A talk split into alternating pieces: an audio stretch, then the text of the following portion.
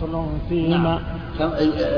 كجميع جميع الفروع الثابتة بأصل فإذا نسخ هذا الأصل أو أبطل بأي طريق من الإبطال فإن جميع الفروع التي أتبعناها إياه تسقط وتبطل. نعم. شيخ تعليقكم على بعض الحنفية هنا. وأنكر ذلك بعض الحنفية. نعم, نعم. أقرأ تعليق تعليقكم عليه. أقرأ أقرأ. آه، قلت ونسبة هذا المذهب إلى بعض الحنفية أو إلى كلهم فيه نظر حيث تساهل هؤلاء في النسبة فقد قال ابن عبد الشكور في آه، في مسلم الثبوت إذا نسخ حكم الأصل إلا إذا نسخ حكم الأصل لا يبقى حكم الفرع. وقيل يبقى ونسب إلى الحنفية وتعقب ذلك الأنصاري في فواتح الرحموت قائلا أشار إلى أن هذه النسبة لم تثبت وكيف لا وقد صرحوا أن النص المنسوخ لا يصح عليه القياس. فسيجي نعم, نعم هذا تكلمنا في الهامش أن هذه النسبة غير صحيحة للحنفية والأنصاري شارح فواتح الرحموت شرح مسلم الثبوت. تكلم عن هذا ونفاها عن نفسه عن الحنفية. وهذا من من ومن ممن ظلم فيها الحنفية وغيرهم في النسب في النسبة في نسبة المذاهب والآراء. لذلك لذلك أنا أقترح أن لا ينسب أحد إلى أحد المذهب. يقول قيل أو سمعت أنه يقال كذا وكذا. أما أنه يقبل أي نسبة من العلماء لأي علماء آخرين فلا بد أن يتحرز وأن يتأكد من أن هؤلاء قالوا. وما حصلت التفرقة بين المسلمين إلا لأجل هذا. أبدا. تجدونهم يقولون قال الأشاعرة كذا وكذا والأش... والشافعية والحنفية أكثرهم أشاعرة وهو ما تأكد فلذلك ما ما نجح أعداء الإسلام إلا لما وجدوا هذه المذاهب والآراء. أبدا. بين المسلمين وكل واحد ينتصر وكل حزب آه، بما لديهم آه، فرحون. يبدأ كل وكل حزب يتهم الآخر حتى أن بعض الشافعية قال من من من مبالغات التعصبات المذاهب قال يجب على الحنفية أن يدفعوا الجزية والعياذ بالله وقال كذا وكذا. نعم اقرأوا مقدمة آه، زيد بكر أبو زيد في في مدخل المذاهب ذكر هذا الكلام ونقل عن غيره. لكن انتبهوا لنسبة الأقوال وخذوا المذاهب من كتبهم من كتب أصحاب المذاهب. لا تأخذوها مثلا كتاب حنبلي. قال قال الحنفية وقال الشافعية اذهبوا إلى الشافعية وتأكدوا والمالكية. كذلك المالكية نسبوا إلى الحنابلة وبالعكس وإلى آخر. فحصل خلط وتعدي على بعضهم والعياذ بالله مع أنه يعني بريء من هذه الأقوال وهذه الآراء نعم فصل فيما يعرف به النسخ. نعم طريق معرفة لنا النسخ. عرفنا الناس حقيقة الناسخ والمنسوخ. والأدلة التي ينسخ بها والتي لا ينسخ بها والفرق بين النص والتخصيص. الآن يسأل سائل يقول كيف نعرف الناسخ من المنسوخ؟ كيف نعرف أن هذا نا أن هذا ناسخ وذاك منسوخا كيف نعرف هذا؟ قال طرقه خمسة. الأول اعلم أن ذلك لا يعرف بدليل العقل ولا بقياس. أي نعم. لا يمكن أن يعرف هذا. الناسخ من المنسوخ بطريق العقل ولا القياس لأنهما يعني عقلان لا يدخلان في الشريعة من حيث معرفة النصوص وثبوتها. نعم. اعلم أن ذلك لا يعرف بدليل العقل ولا بقياس بل بمجرد النقل وذلك من طرق أحدها أن يكون في اللفظ كقوله صلى الله عليه وسلم كنت نهيتكم عن زيارة القبور فزوروها. نعم. اللفظ نفسه فيه ناسخ ومنسوخ الآن كنت نهيتكم. الآن فزوروا فإنها تذكركم الآخرة. فهذا ناسخ فالأول قول كنت في الماضي منسوخ وهذا ناسخ بنفس اللفظ. وقال أيضا وقوله صلى الله عليه وسلم كنت رخصت لكم في جلود الميتة فلا تنتفعوا. نعم. كنت رخصت لكم في جلود الميتة فلا تنتفعوا. هنا نفس الكلام السابق. يعني بمعنى بين الناسخ والمنسوخ من اللفظ. من نفس اللفظ. نعم وهذا واضح. نعم. الثاني أن يذكر الراوي تاريخ سماعه فيقول سمعت عام الفتح ويكون المنسوخ معلوما تقدمه. أي إذا قال الراوي سمعت عام الفتح النبي صلى الله عليه وسلم قال كذا.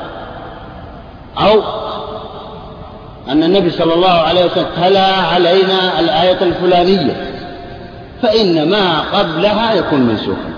إذا تعارضت معه طبعا. ما قبل يكون منسوخ إذا تعارض معه نعم.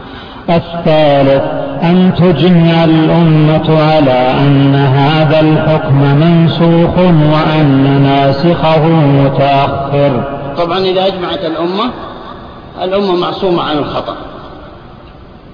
فإن إذا أجمعت على أن هذه الآية منسوخة أو هذا الحديث منسوخ فإننا نقبل كلامه. نعم. إذا نقل إلينا الإجماع نقلا متواترا. أما إذا نقل إلينا الإجماع نقلا أحاديا فلا نقبل كلامه. نعم. الرابع. نعم. إذا قالوا هذه الآية ناسخة للآية كذا أو الحديث ناسخ لكذا فإنه فإن نقبل. إذا قالوا أنها ناسخة لشيء معين نقبل. أما إذا قالوا أنها ناسخة وسكتوا لكن في العادة أنهم لا يقولون هذا. هم يقولون هذا الكلام متى؟ إذا حصل مناقشة في المسألة. يقول هذا الحديث أجمع العلماء على أنه منسوخ. المستدل به في هذه المسألة. وهكذا. نعم. الرابع. نعم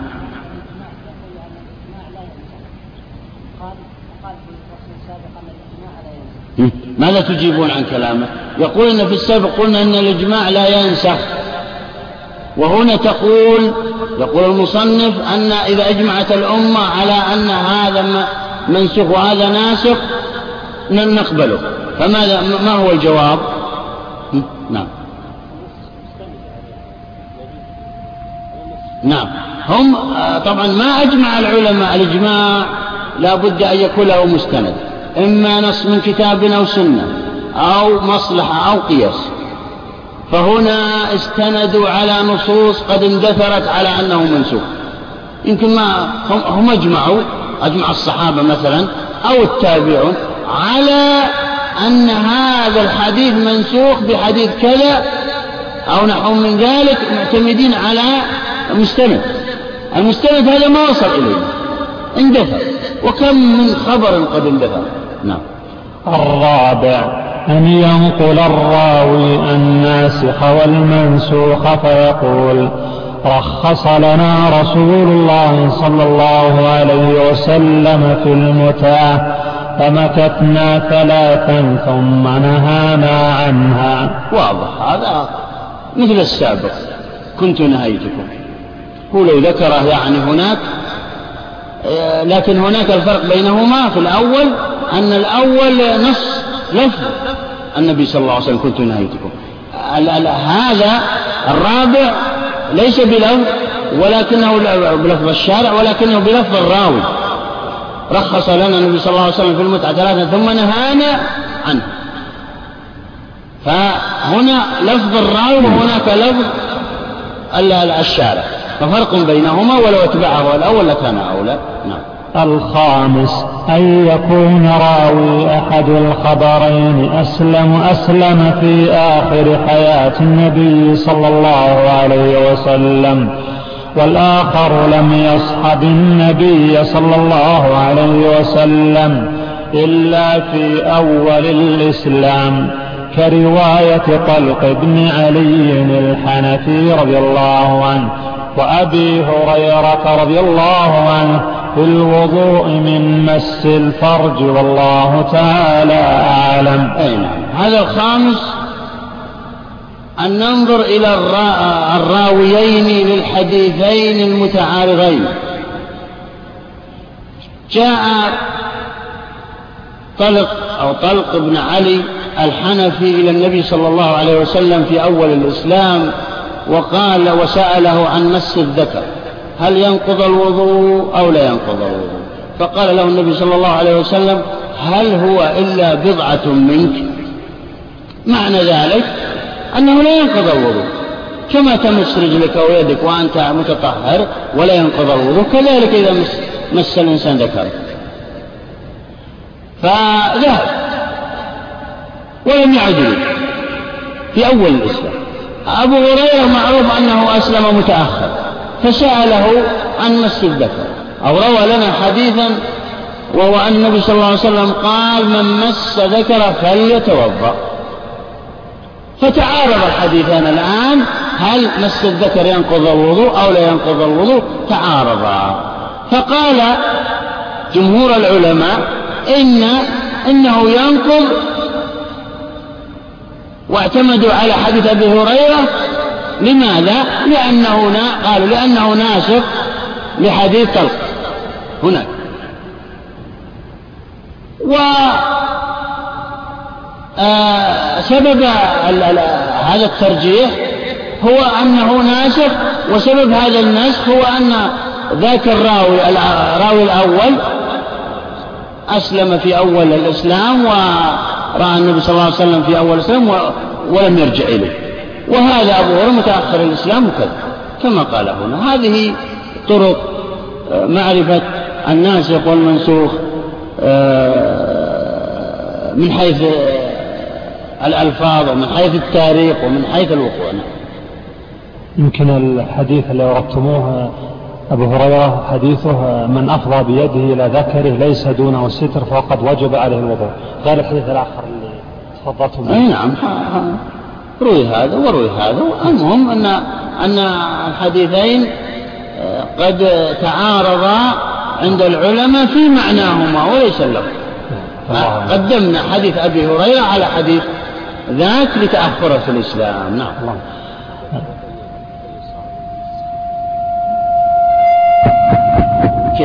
متى يصار إلى النسخ؟ أيوه. إذا لم يكن. هذه مسألة في التعارض والترجيح. نعم. كلامه يقول متى يعني نرجع إلى النسخ؟ إذا تعارض نصان. قال بعضهم أول ما يبدأ به النسخ أن ننظر الناسخ والمنسوخ منهما. فنقدم النسخ ونترك المنسوخ. وقال بعضهم لا نقدم الجمع أول. إذا أمكن الجمع بينهما فنجمع بينهما دون النظر إلى النسخ ولكن هذا غير صحيح. لا يمكن أن نجمع بين نصين. نص ثبت أنه منسوخ. قد يكون ثبت أنه منسوخ. وإذا ثبت أنه منسوخ لا دليل فيه مهما كان ولو كان قرآن متاعا للحول غير إخراج. لو جمعنا بين بينه وبين الآية الأخرى هذا لا يجوز شرعا. فلذلك لا بد من التأكد أولا أن أحدهما يعني آه، ناسخا والآخر منسوخا فلا, فلا نستدل بالمنسوخ ولا نجمع بينه وبين غيره نهائيا. أما إذا ما ثبت لدينا أن هذا ناسخ ناسخ أو هذا منسوخ فإننا أول ما نبدأ به بعد ذلك هو الجب فإن لم نستطع فإننا نرجع أحدهما بالآخر. على الآخر من ترجيحات إما بالألفاظ داخلية أو خارجية. وهكذا الأصل الثاني من الأدلة سنة النبي صلى الله عليه وسلم. نعم لما انتهى من ذكر النسخ طبعا الناسخ والمنسوخ أو باب النسخ يتصل أيضا بالسنة. لكن لماذا ألصقه وألحقه بالكتاب؟ قالوا لكثرة ما ينسخ في الكتاب ألحقه العلماء بالكتاب. السنة قليل النسخ فيها ترى. فلذلك لكثرة ما يرد من الناسخ والمنسوخ في الكتاب جعلوه تابع لمباحث الكتاب. وإلا هو النص يخص النقل يخص النص يعني. والنص الكتاب والسنة. الأصل الثاني من أصول الشريعة ومن القواعد الكلية السنة. نعم. وقول رسول الله. والسنة ما صدر عن النبي صلى الله عليه وسلم من قول أو فعل أو تقرير يخص المكلفين. هذا عند الأصوليين وعند فقهاء الأمة هذا هو التعريف. عند المحدثين يختلف ترى. ما صدر عن النبي صلى الله عليه وسلم من أقوال وأفعال وتقريرات ويسكتون. جميع ما صدر منه. هذا عند المحدثين. ما يهمهم كونه متصل بالمكلف أو لم يتصل بأفعال المكلفين أو لا. لكن الفقهاء عرفوه بالتعريف السابق لأنهم, لأنهم يشتغلون بأفعال المكلفين. فهو ما صدر عن النبي صلى الله عليه وسلم من أقوال وأفعال وتقريرات غير الكتاب مما يخص المكلفين مما يخص أفعال المكلفين. هذا تعريف عند الفقهاء والأصوليين لأنهم هم أصلا يشتغلون بما يفعله هذا المكلف من حركات وسكنات من صلوات من عبادات ومعاملات وجنايات وأحوال شخصية وغير ذلك من الأمور الفقهية. نعم.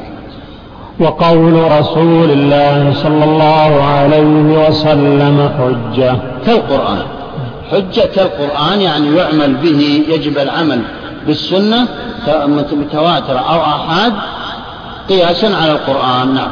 لدلالة المعجز على واستدل على أدلة منها الدليل الأول. لدلالة المعجز على صدقه. أي نعم. لدلالة المعجز. ما هو المعجز؟ القرآن الكريم. هذا الدليل الأول. يعني أتى به أتى النبي صلى الله عليه وسلم بهذا القرآن الذي أعجز أفصح العالم العربي في ذلك الوقت وأبلغهم أعجزهم أن يأتوا بمثله. فهذه معجزة. أتي بما كانوا يعني يبالغون في معرفة اللغة العربية وأتي لهم بمن يعجزهم أن يأتوا بمثله. فهذا معجزة. كما أتى موسى بالسحر يعني كان قوم آه، موسى الذين أرسل إليهم كانوا يعني آه، تقدموا في معرفة السحر. وكانوا يزعمون بأنه لا يمكن أن أن يفعل غيرهم مثله. فأتى النبي فأتى النبي موسى بالسحر فآمن المؤمنون آه، الراسخون في العلم من بني إسرائيل بموسى لأنهم عرفوا الحق. كذلك هنا النبي صلى الله عليه وسلم أتى بهذا القرآن فآمن من دقق فيه بهذا المعجز آمن به. نعم. هذا الأول. نعم. لدلالة المعجز على صدقه وأمر الله سبحانه بطاعته. نعم هذا الدليل الثاني. أن الله سبحانه وتعالى أمر بآيات لا تحصى من القرآن أن نطيع الرسول صلى الله عليه وسلم. أطيعوا الله وأطيعوا الرسول. نص. والأمر هذا مطلق. وإذا كان الأمر الأمر مطلق فإنه يقتضي الوجوب. نعم. وتحذيره من مخالفة أمره. هذا الدليل الثالث على حجية السنة. وهو أن أن الله عز وجل حذر من مخالفة أمر النبي صلى الله عليه وسلم. حذره بالعقوبة. فمن خالفه فإنه يستحق العقوبة. ومن يستحق العقوبة هو من خالف شيئا واجبا عليه كما قلنا في تعريف الواجب هناك. نعم. وهو دليل قاطع على هذا هذا طبعا هذه أدلة أدلة حجية. السنة باختصار. أكثر العلماء أطالوا فيها ولكن المصنف اختصر فيها وهي كافية لمن دقق فيها. نعم. وهو دليل قاطع على من سمعه منه شفاها. فأما من نعم. دليل قاطع. السنة. دليل قاطع على من سمع النبي صلى الله عليه وسلم شفاعا يعني بمعنى أخذ من في النبي صلى الله عليه وسلم الأوامر والنواهي. فهو قاطع دليل قاطع. كالقرآن ترى. أما من لم يسمع الأوامر والنواهي من في النبي صلى الله عليه وسلم شفاء ما معنى شفاء؟ مأخوذ من الشفاء وهي الشفتين. أما من لم يسمع ذلك شفاء وهم طبعا من بعد الصحابة إلى يومنا هذا إلى قيام الساعة فهو ينقسم الحديث إلى قسمين بحقه متواتر نعم فأما من بلغه بالإخبار عنه فينقسم في حقه قسمين تواترا وآحادا. نعم. المتواتر هو الذي يرويه جماعة عن النبي صلى الله عليه وسلم. يستحيل تواطؤهم على الكذب. هذا المتواتر اسمه تواتر لفظي. ليس تواتر معنوي. أما الآحاد فهو ما يخالف ما رواه عن النبي صلى الله عليه وسلم واحد آه قد يعني آه اتصف بصفات وشروط كثيرة سيتأتي إن شاء الله بالتفصيل نعم. وألفاظ الرواية في نقل الأخبار خمسة. نعم. الآن سيأتينا بموضوع موضوع هو دقيق بالنسبة للمجتهدين وهو اختلاف روايات وألفاظ الصحابة في رواية الحديث بحيث إذا أراد الإنسان أن يرجح بين حديث وآخر فإنه يلحظ آه لفظ ما قاله هذا الصحابي. فإن قول الصحابي قال النبي صلى الله عليه وسلم غير إذا قال سمعت النبي صلى الله عليه وسلم قال. فرق بينهما. قال. الأول. وألفاظ الرواية في نقل الأخبار خمسة فأقواها أن يقول سمعت رسول الله صلى الله عليه وسلم أو أخبرني أو حدثني أو شافهني. نعم. هذه العبارات هي نص بأن هذا الصحابي قد التقى بالنبي صلى الله عليه وسلم وسمع هذا من فيه. شافاني أو سمعت النبي صلى الله عليه وسلم يقول أو نحو من ذلك. نعم. فهذا لا يتطرق إليه الاحتمال وهو الأصل في الرواية. قال صلى الله عليه وسلم نظر الله امرأ سمع مقالتي فواها فأداها كما سمعها الحديث. نعم. هنا هذا أصل الروايات وهو قول الصحابي أو قول الراوي سمعت النبي صلى الله عليه وسلم. ما يقول إلا صحابي. لا نقول قول الراوي لأنه الرواة أحيانا يكون من التابعين لكن بالنسبة لهذا لا يقول إلا صحابي سمعت النبي صلى الله عليه وسلم. أو شافاني نعم. الرتبة الثانية أن يقول قال رسول الله صلى الله عليه وسلم كذا. لماذا كان الأصل في الرواية هذا ويقدم على غيره الأول؟ لعدم احتمال واسطة بينهما. لعدم هذا الاحتمال. مما الذي ستأتي من المراتب في احتمال. والاحتمال هذا ضعف من إيه؟ من قوة الحديث. هنا عدم احتمال واسطة بين الراوي الصحابي وبين النبي صلى الله عليه وسلم هذا الذي جعله أقوى رواية وأقطع رواية ويقدم على غيره. الثانية الرتبة الثانية أن يقول قال رسول الله صلى الله عليه وسلم كذا فهذا ظاهره النقل وليس نصا صريحا. لاحتمال قال النبي صلى الله عليه وسلم كذا. وليس نص صريح. لماذا؟ لوجود الاحتمال الذي سيقوله الآن. ها؟ الاحتمال؟ الاحتمال أن يكون قد آه، نقف على المرتبة الثانية وصلى الله على نبينا محمد وعلى آله وصحبه أجمعين. بسم الله. الحمد لله. والصلاة والسلام على رسول الله. نعم.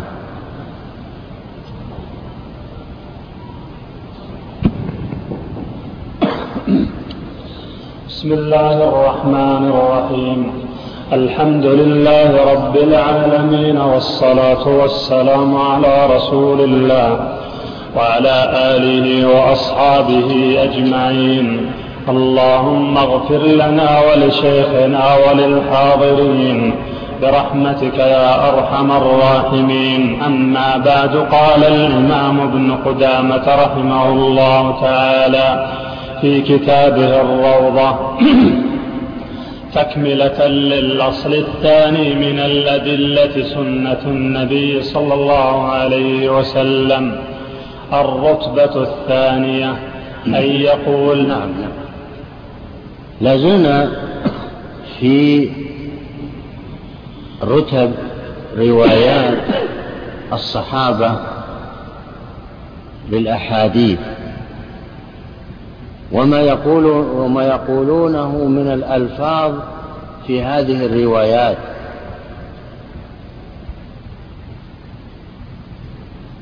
لأن هذه الرتب لها أثر عظيم في اختلاف العلماء إذا تعارضت الأحاديث. فأول رتبة وأقواها وأعلاها ولا يقدم عليها غيرها هي قول الصحابي قال رسول الله صلى الله عليه وسلم كذا. أو هي قول الصحابي سمعت نعم هي قول الصحابي سمعت النبي صلى الله عليه وسلم يقول كذا. أو أخبرني أو حدثني أو شافهني. هذه أقواها. لماذا؟ لأن هذه الألفاظ الأربعة السماع والإخبار والتحديد والمشافهة هذه يلزم من تلك الألفاظ أن هذا الصحابي سمع الحديث من في النبي صلى الله عليه وسلم. ما هناك واسطة؟ بينه وبين النبي صلى الله عليه وسلم. لذلك كان أقوى الرتب. وإذا تعارض الحديث الذي قيل فيه سمعت أو شافهني أو أخبرني إذا تعارض مع حديث آخر وهو قوله قال النبي صلى الله عليه وسلم فإن نقدم الأول لا شك. نعم. الرتبة الثانية قال الرتبة الثانية أن يقول قال رسول الله صلى الله عليه وسلم كذا فهذا ظاهره النقل وليس نصا صريحا. الأول قطع فيها النقل عن النبي صلى الله عليه وسلم. الثاني قال ظاهره النقل ما الفرق بينهما؟ الظاهر هو الفرق بين القطع القطع. آه الكلام القطعي والكلام الظني نفسه فالأول قطعي أنه نقل عن النبي صلى الله عليه وسلم. أما الثاني فهو ظاهر لأن الظاهر هو اللفظ الدال على معنيين فأكثر أحدهما أرجح. فهو يحتمل إذا قال قال النبي صلى الله عليه وسلم يحتمل احتمالا أنه لم يسمعه من النبي صلى الله عليه وسلم وإنما سمعه من غيره من الصحابة فتجا فقال تجاوزا قال النبي صلى الله عليه وسلم صلى الله عليه وسلم كما سيأتي. نعم. فهذا ظاهر النقل وليس نصا صريحا لاحتمال أن يكون قد سمعه من غيره عنه. كما روى أبو نعم. الاحتمال أن هذا الصحابي قد سمع هذا الحديث من غير النبي صلى الله عليه وسلم يعني من من صحابي آخر. من صحابي آخر. لكنه قال تجاوزا قال النبي صلى الله عليه وسلم. ودليل ذلك الاستقراء والتتبع لما وقع عن الصحابة. مثل كما سيأتي الآن. نعم. وليس نصا صريحا لاحتمال أن يكون قد سمعه من غيره عنه كما روى أبو هريرة رضي الله عنه أنه قال من أصبح جنبا فلا صوم له فلما استكشف قال حدثني الفضل بن عباس. أي نعم. هذا الحديث معروف أنه منسوخ ولا يعمل به. من أصبح جنبا فلا صوم له. قيل ليس الأمر كذلك. كان النبي صلى الله عليه وسلم يصبح وهو كذا. ويتم صيامه ويكون له صوم. فقال أنا ما, ما رويته عن النبي صلى الله عليه وسلم. ما سمعته من في النبي صلى الله عليه وسلم. وإنما حدثني به الفضل بن عباس. ومع ذلك قال أبو هريرة ذلك وهو الراوية أكثر الصحابة رواية الأحاديث. نعم. وروى ابن عباس قوله إنما الربا إنما الربا في النسيئة. فلما رجع أخبره أخبر أنه سمعه من أسامة بن زيد رضي الله عنه. كما يعلم أن ابن عباس كان لا يرى بأسا في ربا الفضل وهو الزيادة وإنما يرى بأسا في ربا النسيئة مع الزيادة فقط. مستدلا بهذا الحديث. إنما الربا في النسيئة فقط وهو التأخير. قول قول المرابي أؤخرك إلى عام كذا وتزيدني وتزيدني كذا. هذا ربا النسيئة. آه فلما قيل له إنه ورد حديث عبادة بن صامت في الأشياء الستة وهو في ربا الفضل وربا ويشمل ربا الفضل وربا النسيئة. فهل سمعته من النبي صلى الله عليه وسلم؟ قال لا. سمعته من أسامة بن زيد. وهكذا. الاستقراء والتتبع لروايات الصحابة آه، دلت على أنهم يقولون قال النبي صلى الله عليه وسلم مع أنهم لم يسمعوه منه إنما سمعوه من صحابي آخر. هذا الصحابي الآخر قد يكون سمعه من النبي صلى الله عليه وسلم. نعم. فهذا حكمه فهذا حكمه حكم القسم لا حكم الق... فهذا حكمه حكم القسم الذي قبله. إي نعم يعني بمعنى أن أن هذه الرتبة حكمها مثل الرتبة الماضية يعمل بها يجب العمل بها. لأنه لا فرق ترى في العمل بين ما ثبت قطعا وما ثبت ظنا. لا فرق بينهما في العمل. لكن ما الفرق بينهما؟ إذا لماذا يؤتى بهما عند المجتهد؟ إذا تعارض حديث فيه قول الصحابي حدثني أو شافهني أو أخبرني أو سمعت النبي صلى الله عليه وسلم يقول وتعارض مع حديث آخر قال فيه الصحابي قال النبي صلى الله عليه وسلم فإن نقدم الأول. هذا كل ما في الأمر. وإلا العمل يجب العمل بهما إذا ما تعارض. لكن إذا تعارض لا نعمل إلا بالأول. نعم.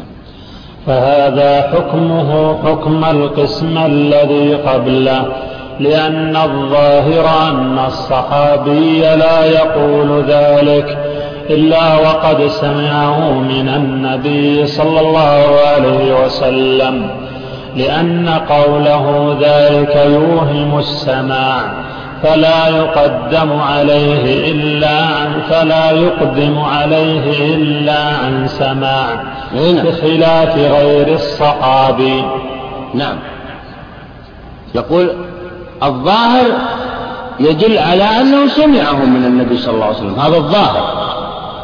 والظاهر كما تعلمون آه، هو لا يفيدنا إلا الظن. أي ظاهر. لكن غير النص والقطع هناك. الرتبة الأولى ما قال العلماء بأنه الظاهر أنه سمعه من النبي صلى الله عليه وسلم بل قال قطعا سمعه من النبي صلى الله عليه وسلم. الرتبة الثانية قال الظاهر أنه سمعه. فلذلك هنا يستدل على وجوب العمل به. لكن إذا تعارض مع الرتبة الأولى إذا تعارض الرتبة الثانية مع الرتبة الأولى قد تقدم الرتبة الأولى لا شك. إذا تعارض. أما العمل لا يختلف. هو الآن يستدل على كأن سائلا سائل قال لماذا يجب العمل به؟ قال لأن لأن الظاهر لأن أن هذا الصحابي قد سمعه من النبي صلى الله عليه وسلم. ولا يمكن أن يقول قال إلا لأنه سمع. هذا الظاهر في الأمر. ولهذا اتفق السلف على قبول الأخبار مع أن أكثرها هكذا. نعم على قبولها والعمل بها يعني. مع أن أكثرها قال النبي صلى الله عليه وسلم أكثر الأخبار ترى. الأحاديث يعني المروية سواء كانت المتواترة أو الأحادية. يقول الراوي قال النبي صلى الله عليه وسلم سواء كان الراوي صحابي أم تابع. سواء كان تابعيا أو صحابي يقول قال النبي صلى الله عليه وسلم. واتفق. هذا دليل الإجماع يعني. أجمع العلماء على أنه يعمل بهذه الرواية بقوله قال يعني. نعم. ولو قدر أنه مرسل فمرسل الصحابي حجة على ما سيأتي. أي نعم هذا جواب عن سؤال مقدر. قال لا لا لا. السائل كيف تقبلون وهو مرسل؟ كيف تعملون به وهو مرسل والمرسل قد اختلف العلماء فيه. بعضهم قال لا يحتج به. الإمام الشافعي يقول لا يحتج به إلا بخمسة شروط. الجواب أن المختلف فيه هو مرسل التابعي وليس مرسل الصحابي. مرسل الصحابي أجمع من يعتد بقوله أنه حجة. مرسل الصحابة لذلك تجدون الصحابة أبو هريرة أو آه ابن عباس أرسله إلى صحابي آخر يعني بمعنى أنه آه أسنده إلى صحاب آخر فلم يروي أحدهم عن غير الصحابة. لذلك مرسل الصحابة يجب العمل به. أما مرسل التابعي فهذا الذي اختلف العلماء فيه وهذا الذي آه الإمام الشافعي اشترط في قبوله خمسة شروط هو مرسل التابعي. الرتبة المرسل هو المنقطع ترى عند الأصوليين. المرسل هو الذي يقول من لم يرى النبي صلى الله عليه وسلم قال صلى الله عليه وسلم. هذا عند الأصول عند الفقهاء يعني. أن يقول من لم يرى النبي صلى الله عليه وسلم قال النبي صلى الله عليه وسلم. هذا المرسل مرسل التابعي وهو الذي وقع فيه الخلاف. نعم. الرتبة الثالثة أن يقول الصحابي أمر رسول الله صلى الله عليه وسلم بكذا أو نهى عن كذا نعم. فيتطرق إليه احتمالان أحدهما في سماعه كما في قوله. نعم يتطرق إليه احتمالان الآن. هذه الرتبة الثالثة أضعف من الثانية والثانية أضعف من الأولى. سبب الضعف في الثانية ما هو؟ هو كما قال هناك أنه آه قد يكون هذا الصحابي ما سمع الحديث من في النبي صلى الله عليه وسلم وإنما سمعه من صحابي آخر. لما قال في الثانية. وسبب ضعف المرتبة الثالثة أمران سببان. السبب الأول ما قيل في السبب الثاني. ما ما قيل في في الرتبة الثانية. وهو إيش؟ وهو أنه لما قال الصحابي أمر النبي صلى الله عليه وسلم أو نهى عن النبي صلى الله عليه وسلم قد يكون ما سمع النبي صلى الله عليه وسلم يأمر أو ينهى. وإنما سمع غيره من الصحابة. أخذه عن غيره يعني مثلا أبو هريرة أخذه عن ابن عباس أو ابن أو بالعكس. أن النبي صلى الله عليه وسلم أمر أو نهى. هذا سبق في الرتبة الثانية. الرتبة الثالثة زادت سببا آخر وهو الرتبة الثالثة أن يقول الصحابي أمر أمر رسول الله صلى الله عليه وسلم بكذا أو نهى عن كذا فيتطرق إليه احتمالان أحدهما في سماعه كما في قوله والثاني في الأمر. نعم. أحدهما في سماعه. خليك معنا يا شيخ. لا تعيد القراءة كم مرة يعني. أقول أحد السببين في ضعف الرتبة الثالثة عن الثانية هي ما قلناه في الرتبة الثانية وهو أنه قول هذا الصحابي أمر النبي أو نهى ما سمعه من النبي صلى الله عليه وسلم وإنما سمعه من صحابي آخر. هذا ضعف يسمى وإن كان قليلا إلا أنه ضعف. السبب الثاني قال نعم. والثاني في الأمر إذ قد يرى ما ليس بأمر أمرا لاختلاف الناس فيه. أيوة. هذا الثاني. يقول الثاني الذي من السببين اللذين قد أضعفا الرتبة الثالثة هو أن الصحابي قد يرى ما ليس بأمر هو أمر. يعني بمعنى أن النبي صلى الله عليه وسلم قد يخبر خبر فيلتبس على الصحابي ويسميه أمرا أو نهيا فهذا احتمال. لأن الصحابة ليسوا كلهم فصحاء في اللغة العربية. قد يلتبس عليه الأمر. فهذا سبب ثاني.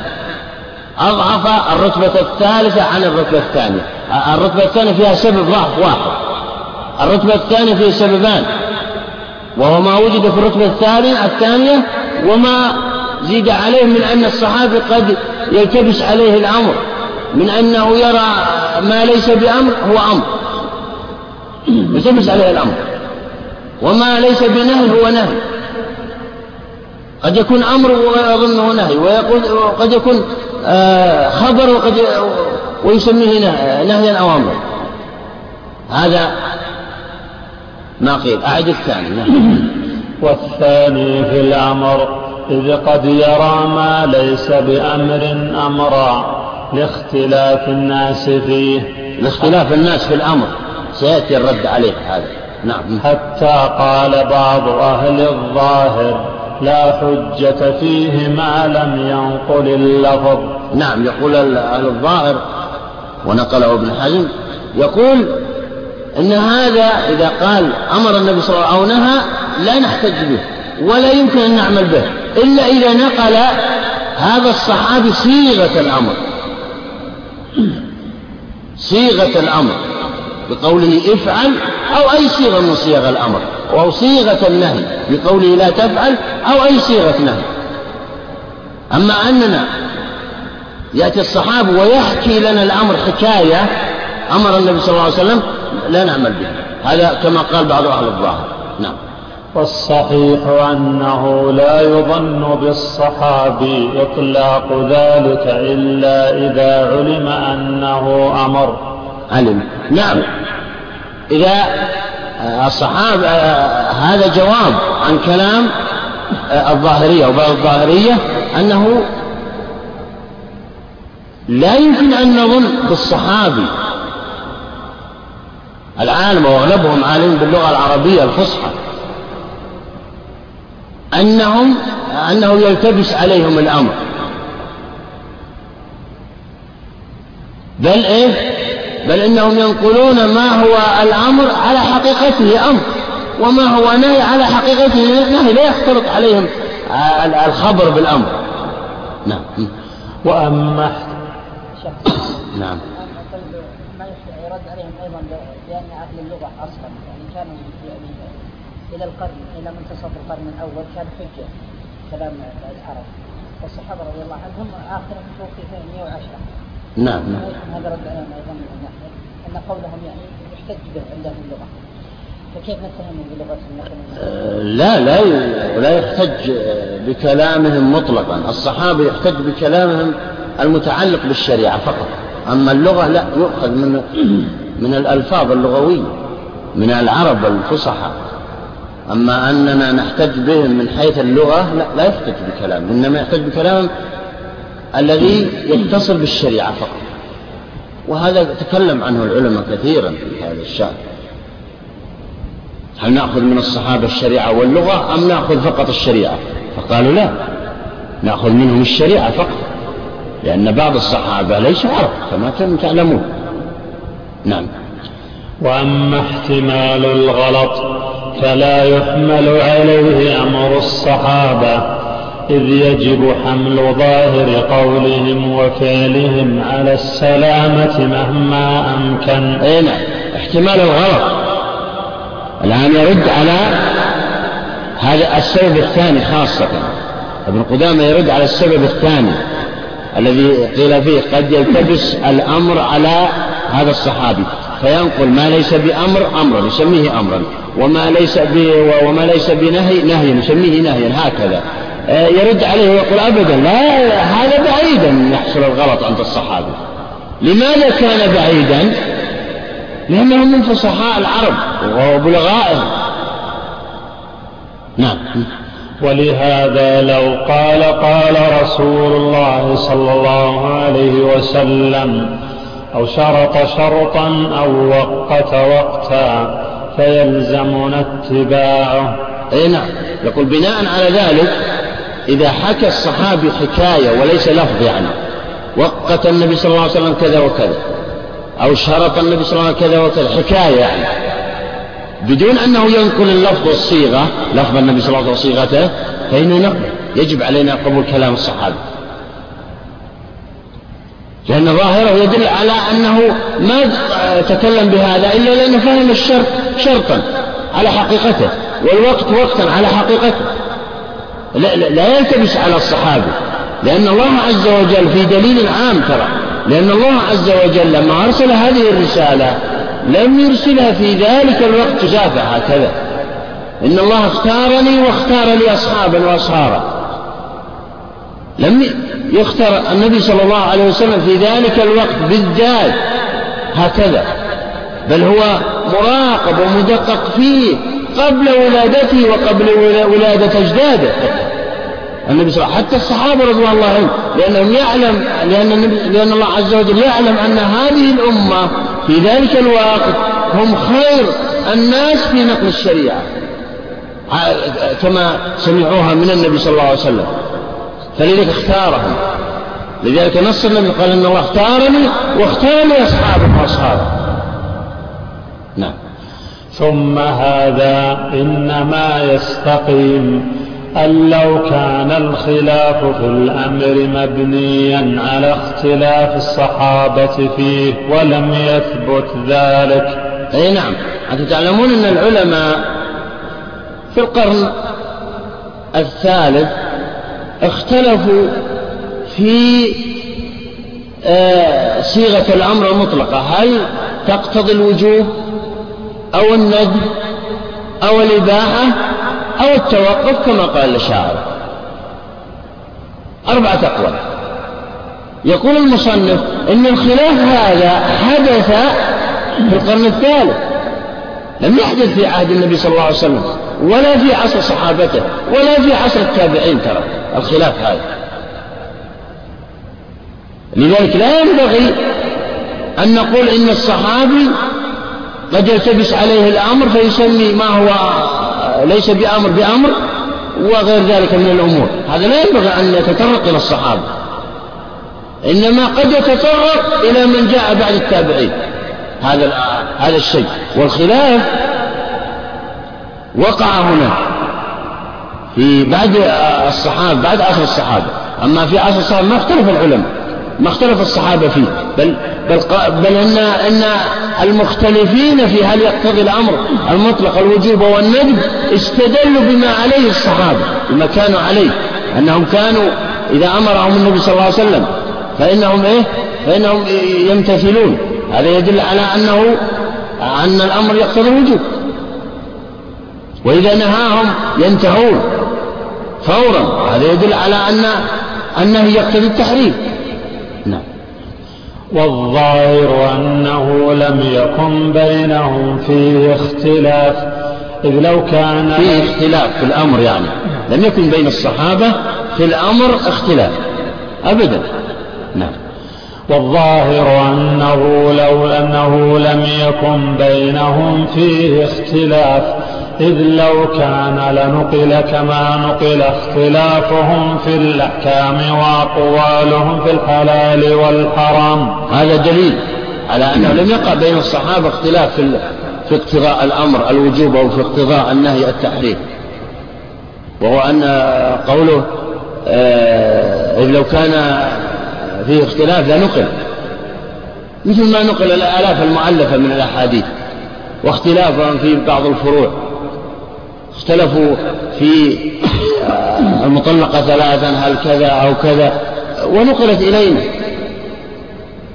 اختلفوا في الجد والإخوة اختلفوا في أي شيء ونقلت إلينا. لكن لم يقل إلينا أنهم اختلفوا في صيغة الأمر. هل تقتضي الوجوب أو تقتضي الندب أو, الإباحة أو التوقف؟ ما, ما نقل إلينا. فعدم النقل دليل على عدم الحكم. وليس من ضرورة الاختلاف في زماننا أن يكون مبنيا على اختلافهم كما أنهم اختلفوا في الأصول. هذا جواب عن سؤال مقدم. وهو أن السائل يقول أجل لماذا اختلف أهل الأزمنة المتأخرة عن الصحابة في هذا؟ لا بد أن يكون لهم أصل هنا. المجيب يقول أبدا ليس من ضرورة أن المتأخرين قد اختلفوا. ليس من الضرورة أنهم آه، بنوا على خلاف سابق. أبدا. قد يختلفون ولم يكن هناك خلاف في السابق. نعم. كما أنهم اختلفوا في الأصول وفي كثير من الفروع مع عدم اختلاف الصحابة فيه. نعم. هذا يدل هذا دليل الدليل. الدليل هو أن هو التلازم بمعنى لا يلزم من اختلاف المتأخرين أنهم بنوا على اختلاف المتقدمين في, في هذه المسألة. هذا الدليل. دليل الدليل الوقوع. وهو أن الدليل على هذا التلازم أن كثيرا من المسائل الفقهية والأصولية قد اختلفوا فيها لكن لما استقرأنا وتتبعنا ما حدث للصحابة ما وجدناهم اختلفوا في أي شيء من هذه المسائل. نعم. فإذا قول الصحابي أمر رسول الله صلى الله عليه وسلم أو نهى لا يكون إلا بعد سماعه ما هو أمر حقيقة. نعم. يقول بعد هذه هذه الأجوبة عن كلام القائلين في الرتبة الثانية في السبب الثاني يعني دلنا على أنه أن قول الصحابي أمر النبي صلى الله عليه وسلم أو نهى كسماع لا فرق بينهما يقول. نعم.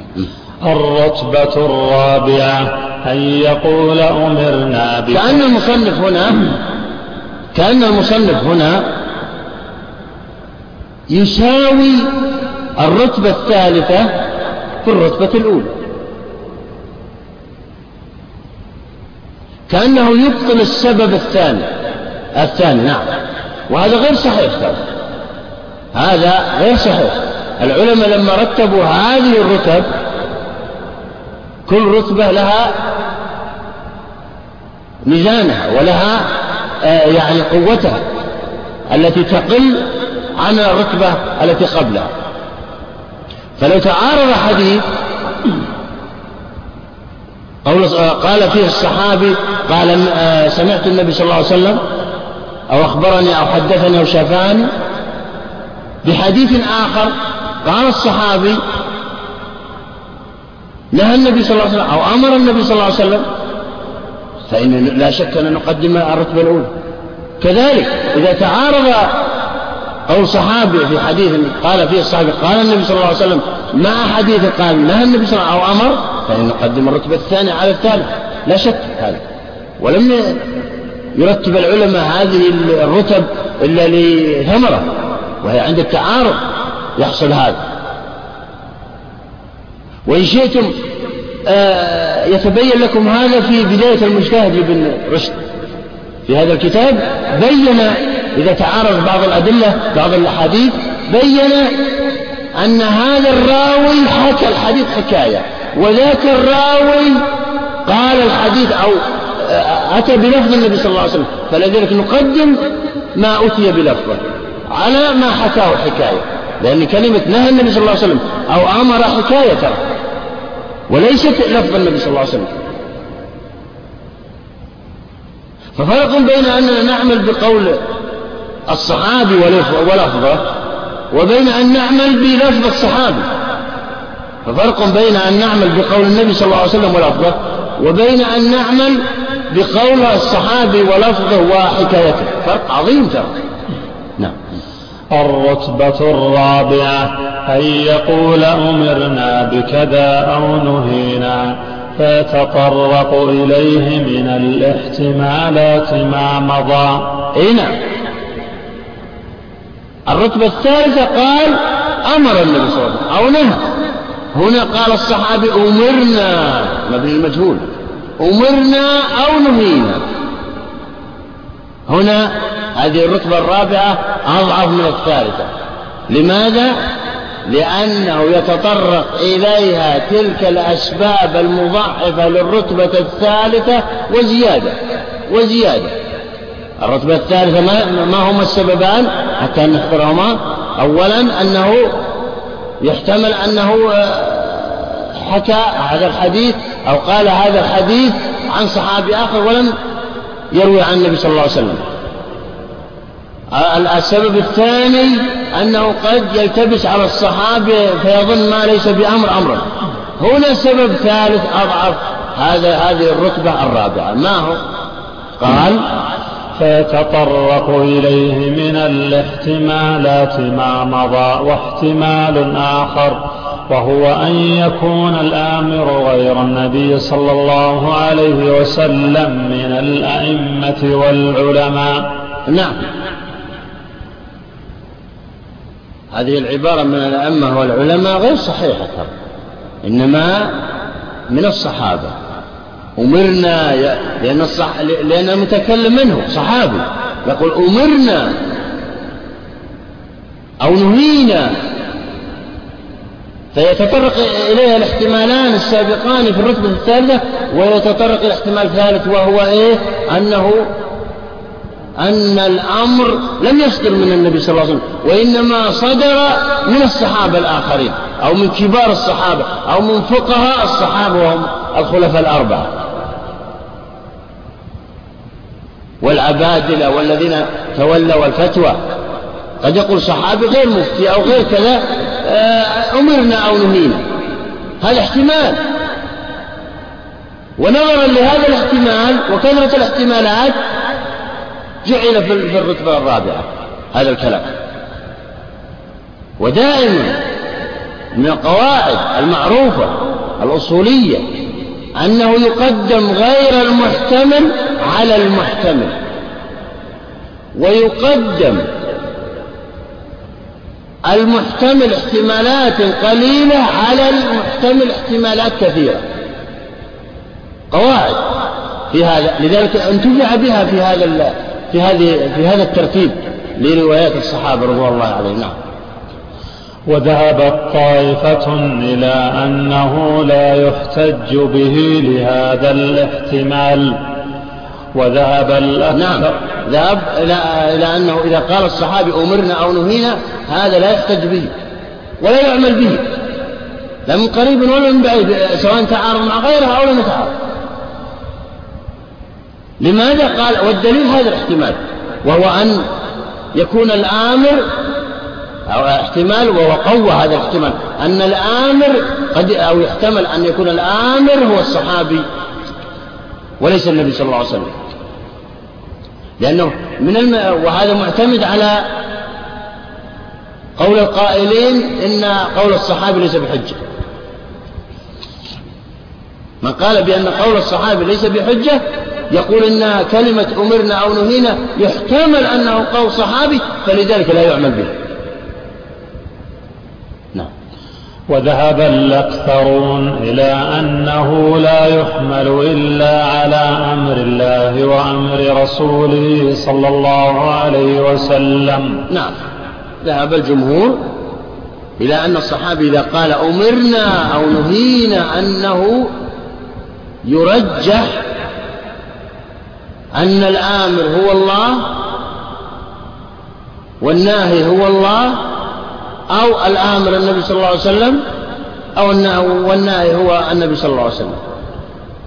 يرجح طبعا لا نقول قطعا لأنه في الاحتمال موجود لكن نرجح والمرجح معمول به يجب العمل به. لكن أصحاب المذهب الأول الذي قلنا فيما سبق يرجحون أن الآمر هو الصحابة أو الصحابي وليس النبي صلى الله عليه وسلم. فلذلك قالوا لا يحتج به. لكن الجمهور رجحوا أن الآمر هو الله أو رسوله. نعم. لأنه يريد به إثبات شرع وإقامة حجة فلا يحمل على قول من لا يحتج بقوله. لأنه الضمير يعود إلى الصحابي يعني لأن الراوي. ما روى هذا؟ يقول إن الصحابي ما روى هذا إلا لأجل إثبات حكم شرعي يعني كأنه استدل بهذا على إثبات هذا الحكم. ولا يمكن أن يأتي بشيء غير ما آه، رواه أنا الشارع أبدا. يستبعد عنه أن يقول هذا. لأنه لأنه يريد به إثبات شرع وإقامة حجة فلا يحمل على قول من لا يحتج بقوله. فلا يحمل على قول من لا يحتج بقوله. يعني لا يمكن تحملونه على قول الصحابي وهو لا يحتج بقوله عندكم. لا يمكن أن نحمله. لأنه لما أطلق الصحابي وقال نهينا أو, أمر أو أمرنا هذا آه، لا نحمله إلا على قول الشارع. الشارع لأن الصحابي احتج به على إثبات حكم. ولا يمكن أن يطلق هكذا الإطلاق بدون نسبة إلا أو لا ينقدح في الدين إلا قول الشارع. وهو الله أو رسوله المتكلم عنه. لا يحمل على قول الصحابي. لذلك قولكم بأنه ليس بحجة غير صحيح. نعم. وفي معناه قوله من السنة كذا والسنة والسنة جارية بكذا. أي نعم. هذا أيضا ملحق بهذه الرتبة الرابعة. وهو أنه إذا قال الصحابي من السنة كذا أو أن السنة جارية بكذا أيضا جمهور العلماء حملوه على سنة النبي صلى الله عليه وسلم. حملوا هاتين العبارتين على سنة النبي صلى الله عليه وسلم. ولا يحمل على سنن الصحابة. نعم.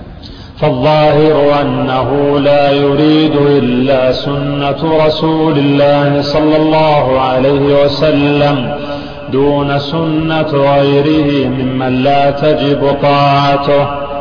نعم. ولا لا تجب طاعته يقصد من الصحابة.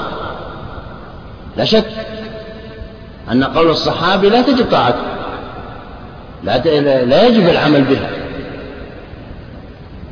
يعني بمعنى إذا قال صحابي آه، حكما وقال صحابي آخر حكما آخر وتعارضا تساقطا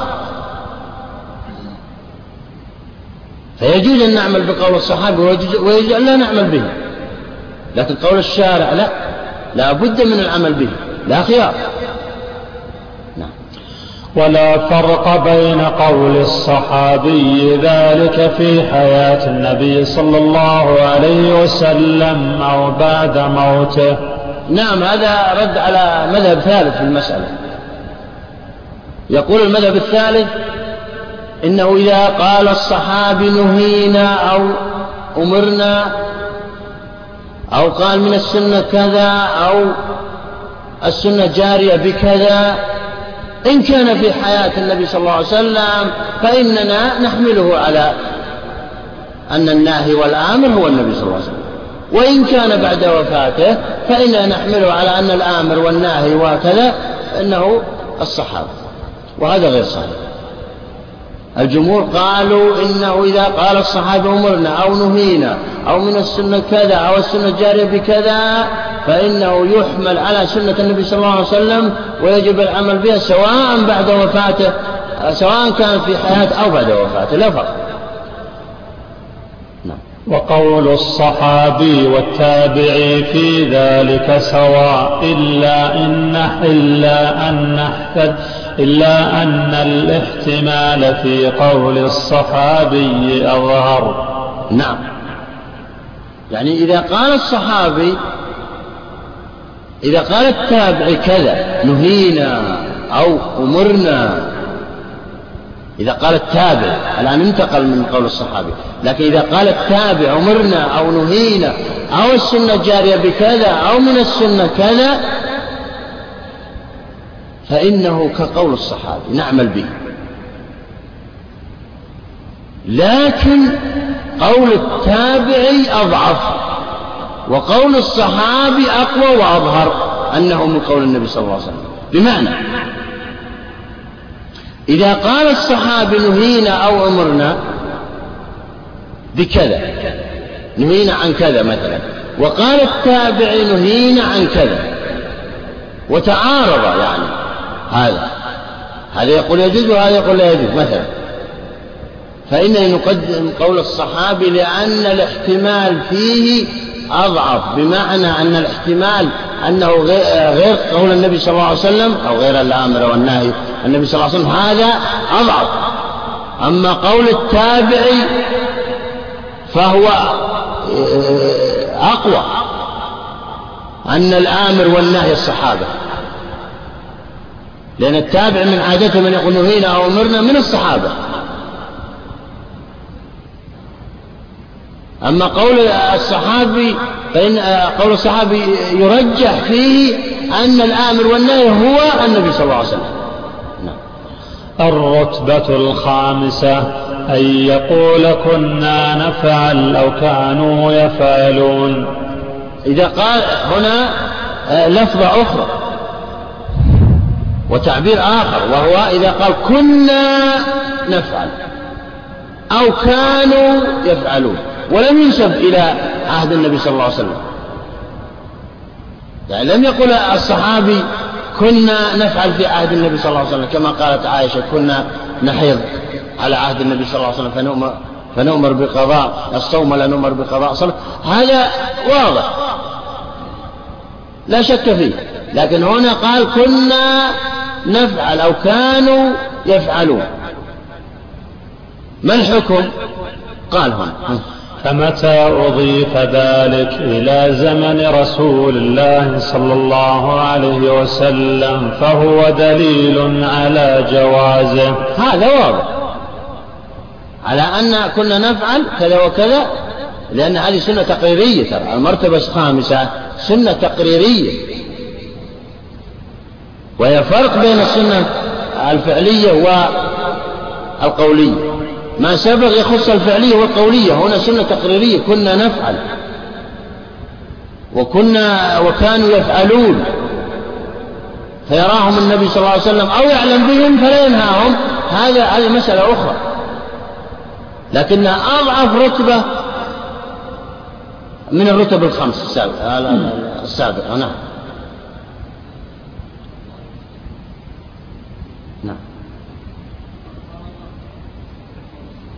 أضعف. أقرأ العبارة يا شيخ. ترى العبارة فيها أقرأ العبارة. الرتبة. إذا قال التابع. إذا قال وقول الصحابي وقول الصحابي والتابع في ذلك سواء إلا أن الاحتمال في قول الصحابي أظهر. لا. أظهر إلا أن الاحتمال في قول الصحابي أضعف. وليس أظهر لأن قول الصحابي لأن قول التابعي يقوى فيها الاحتمال أن الآمر والناهي هو الصحابي في قوي احتمال لكن قول الصحابي إذا قال الصحابي أمرنا أو نهينا فيه أضعف أنه أن القائل الصحابي. ففرق بين الأمرين ترى. نعم يلا شيخ. ما يكون المقصود أن التابعي والصحابي نقلهم عن النبي صلى الله عليه وسلم يعني مرسل التابعي. التابعي ينقل عن النبي صلى الله عليه وسلم. هو إذا قال التابعي أو الصحابي أمرنا أو نهينا أو من السنة يجب العمل به لا شك هذا. لكن احتمال كون الآمر والناهي في قول التابع هو الصحابي أقوى من احتمال كون الآمر والناهي عند قول الصحابي آه، أمرنا. لاحظ الفرق بين الأمرين هذا نعم يلا شيخ يعني الآن وش اللبس في العبارة؟ أظهر في القوة. أظهر في القوة. طيب وش اللبس؟ ممتاز. مكتوب أظهر في القوة ولا أظهر فقط؟ لا أظهر لكن يقال أظهر في القوة من قول التابعي إذا قال أظهر في القوة إيه؟ هذه مسألة أما إذا قال أظهر وسكت إيه؟ فالأولى أن نقول أظهر. إذا قال أظهر في القوة لا انتهى نعم يا عفى الله عنك. كنا لأن ذكره ذلك في معرض الحجة يدل على أنه أراد ما علمه النبي صلى الله عليه ما, ما علمه النبي صلى الله عليه. أعد أعد العبارة لأن ذكر أعد العبارة من أولها يعني. الرتبة الخامسة يقول كنا نفعل أو كانوا يفعلون فمتى أضيف ذلك إلى زمن رسول الله صلى الله عليه وسلم فهو دليل على جوازه لأن ذكره ذلك في معرض الحجة. يدل على أنه أراد ما علمه النبي صلى الله عليه وسلم فسكت عنه ليكون دليلا. نعم. فسكت عنه هذا دليل على أنه سنة تقريرية. يعني بمعنى إذا قال الصحابي كنا نفعل أو كانوا يفعلون آه هذا يدل على أن أن الفاعلين هم الصحابة وعلم بفعلهم النبي صلى الله عليه وسلم ولم ينكر عليه. ولم ينكر عليه. ما هو الدليل؟ على نسبة ذلك إلى آه عدم إنكار النبي صلى الله عليه وسلم أو سكوت النبي صلى الله عليه وسلم. الدليل أن الصحابي ما قال هذا إلا في أمر يستدل به على إثبات حكم. ولا يمكن أن يأتي الصحابي ويحتج بقول, آه، بقول صحابي آخر. كنا نفعل أو كانوا يفعلون. عند الاحتجاج على إثبات أمر إثبات حكم لحادثة.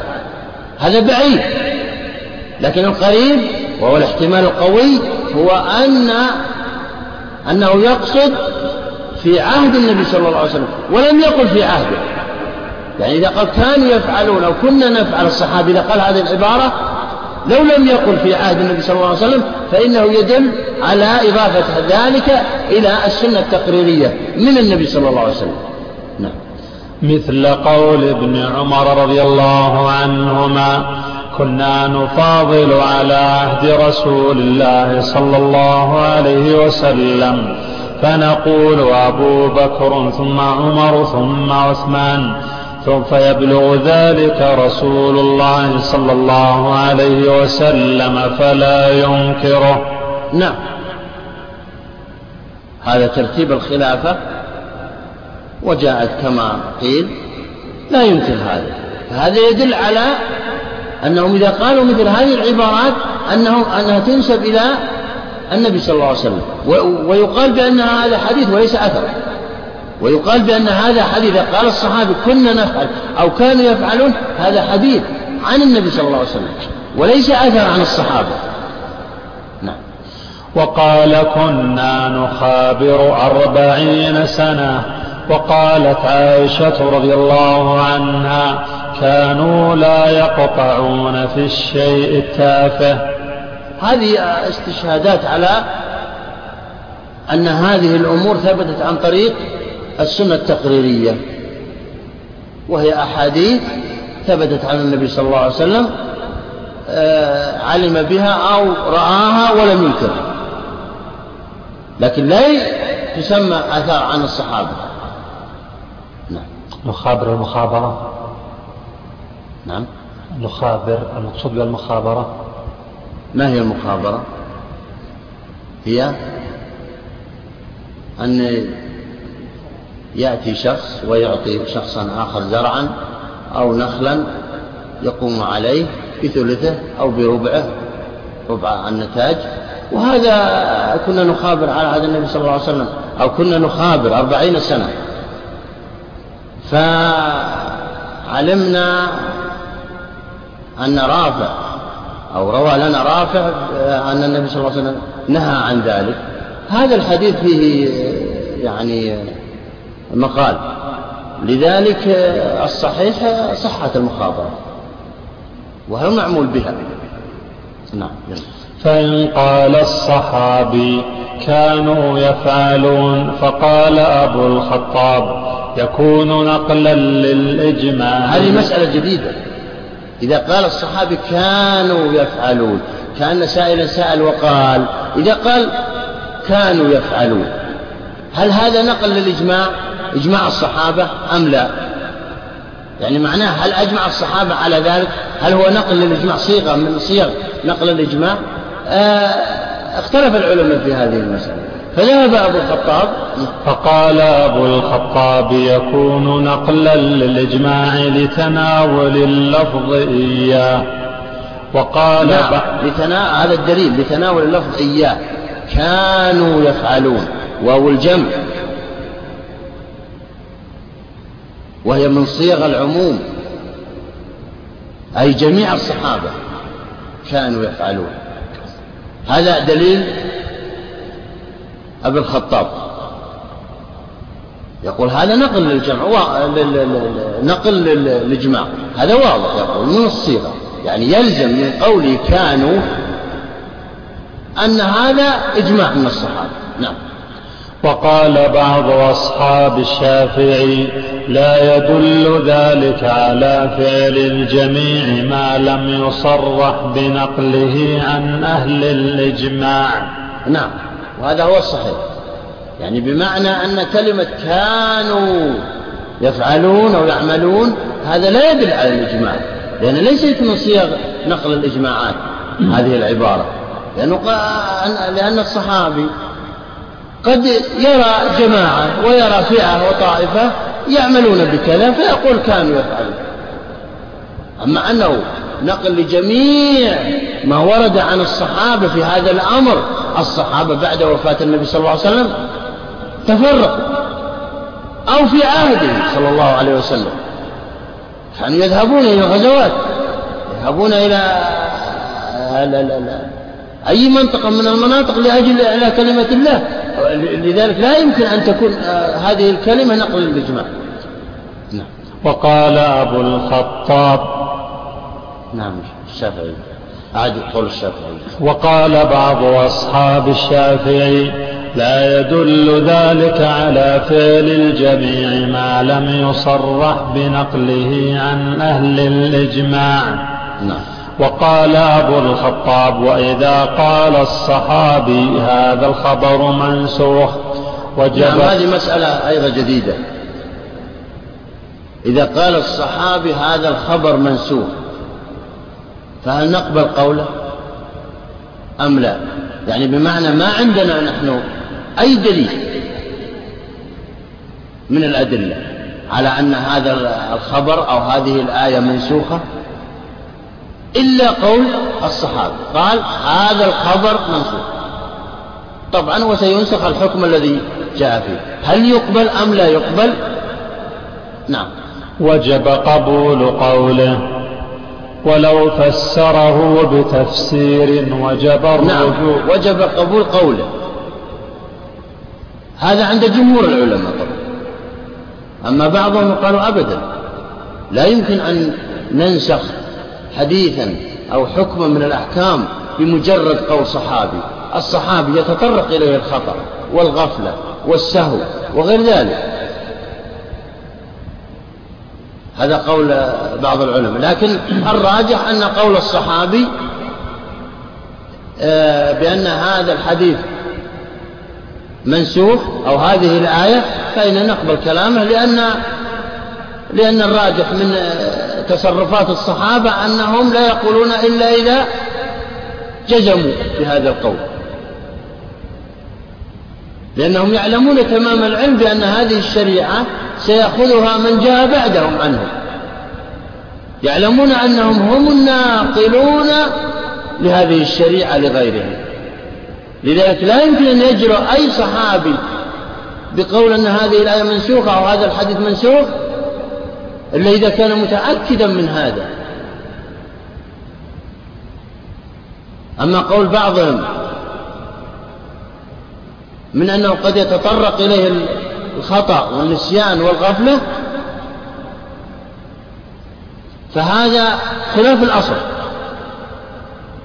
وهذا نادر والنادر لا حكم له. ولو أخذنا بهذه القاعدة لا أخذنا بقواعد الشيعة أنهم لما رووا الأحاديث أو أبطلوا كثيرا من الأحاديث بهذه التهمة ترى وهي تهمة أن الراوي أخطأ أو غفل أو نحو من ذلك. ولا أخذنا بأقوال النظام. وهي أن الصحابة رضوان الله عليهم الذين تقاتلوا على المناصب في معارك معروفة لا يمكن أن نقبل منهم حديثا واحدا. إلا الذين عصموا أنفسهم عن القتال وعن ما جرى بينهم. فلذلك تطرق الغفلة والسهو عن بعض الصحابة هذا نادر ترى والنادر لا حكم له. ولو أعملنا هذه القاعدة لسقطت أكثر الأحاديث التي يستدل بها على فروع فقهية أو قواعد أصولية. لأن هدم أكثر الشريعة ترى نعم. ولو فسره بتفسير وجب الرجوع إلى تفسيره. نعم. هذه مسألة أيضا جديدة. وهي إذا فسر الصحابي الحديث بتفسير أو أوله بتأويل فإنه يجب أن نأخذ بتأويله ونعمل به هذا مذهب الجمهور. أما بعض الحنفية فقالوا أبدا وبعض الشافعية قالوا أبدا إن, إن هذا الصحابي رجل مثلنا فهم هذا الحديث فهما قد نفهم غيره فينبغي أن ننظر. إن كان يؤيده دليل من اللغة أو من أي شيء فإننا نأخذ به وإن لم يؤيده شيء فإن لا نأخذ بتفسير الحديث أو للآية. والكلام على الآية ترى مثل الكلام عن الحديث في هذا الأمر.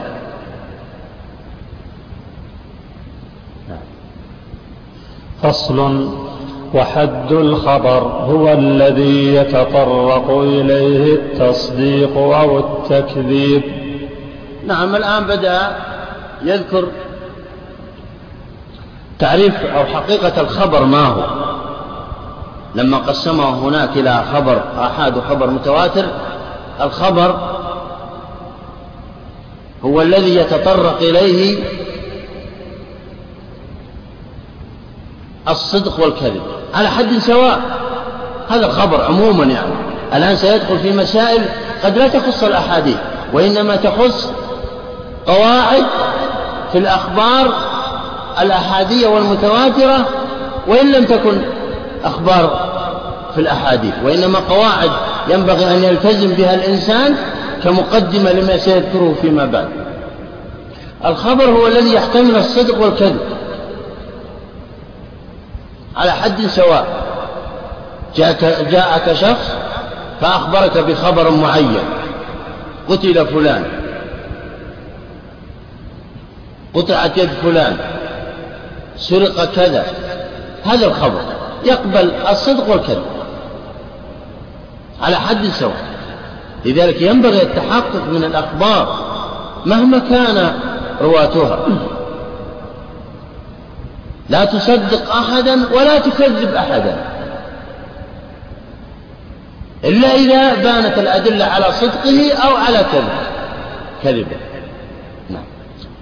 تقييد بالتصديق والتكذيب يخرج الإنشاء؟ طبعا. أكيد الخبر غير الإنشاء. الإنشاء هو الطلب. أطلب من فلان أن يفعل كذا. هذا لا يقبل لا الصدق ولا الكذب. لأن لا إلى الآن ما وقع. لكن الخبر عن الواقع. نعم. وهو قسمان تواتر وآحاد فالمتواتر يفيد العلم ويجب تصديقه وإن لم يدل عليه دليل آخر. نعم. المتواتر هو الذي ترويه جماعة عن جماعة حتى يصل إلينا يستحيل تواطؤهم على الكذب. هو الذي يرويه جماعة عن جماعة حتى يصل إلينا؟ يستحيل تواطؤ كل جماعة على الكذب في كل زمن يعني. هذا هو المتواتر من التقوية في الشيء. وهذا نادر ترى المتواتر الحديث المتواتر نادر جدا. بعضهم قال بأنها لا تزيد عن عشرين حديثا. بين الأحاديث الأحادية الآلاف المؤلفة. والمشهور من الأحاد وليس من المتواتر. بينما الحنفية جعلوا المشهور من المتواتر. وسنبين ذلك إن شاء الله في الأسبوع القادم. وصلى الله على نبينا محمد وعلى آله وصحبه أجمعين. بسم الله. الحمد لله الصلاة والسلام على رسول الله. نعم نبدأ شيخ بسم الله الرحمن الرحيم. الحمد لله رب العالمين والصلاة والسلام على رسول الله وعلى آله وأصحابه أجمعين. أما بعد قال الإمام ابن قدامة رحمه الله تعالى في كتابه الروضة فصل وحد الخبر. هو الذي يتطرق إليه التصديق أو التكذيب. نعم. قلنا فيما سبق أن الكلام بين البشر ينقسم إلى قسمين خبر وإنشاء. أما الإنشاء فهو الطلب. هو الإنسان في حياته إما أن يطلب أو يخبر. هذا كل كل ما يجري فيها الكلام بين الناس. آه وكذلك الشارع. فالخبر هو الذي يتطرق إليه الصدق والكذب. بمعنى إذا أخبرنا شخص بخبر يجوز أن نقول له أنت صادق ويجوز أن يقال له أنت كاذب. ولا مانع من ذلك. يعني بمعنى يطلق عليه الكذب بأدلة ويطلق عليه الصدق بأدلة. هذا هو الخبر. وهذا هو الفرق بين الخبر والإنشاء. الإنشاء ما يتطرق إليه لا كذب ولا صدق. لأنه لم يقع في المستقبل. يعني يطلق شيئا لم يقع. أما الخبر فهو يخبر عن شيء ماض. ولو بثانية ما يكون ماضيا. نعم. وهو قسمان وهو قسمان وهو قسمان تواتر وآحاد. اي نعم. الخبر قسمان عند الجمهور. المتواتر والآحاد. المتواتر هو أن يخبر جماعة عن جماعة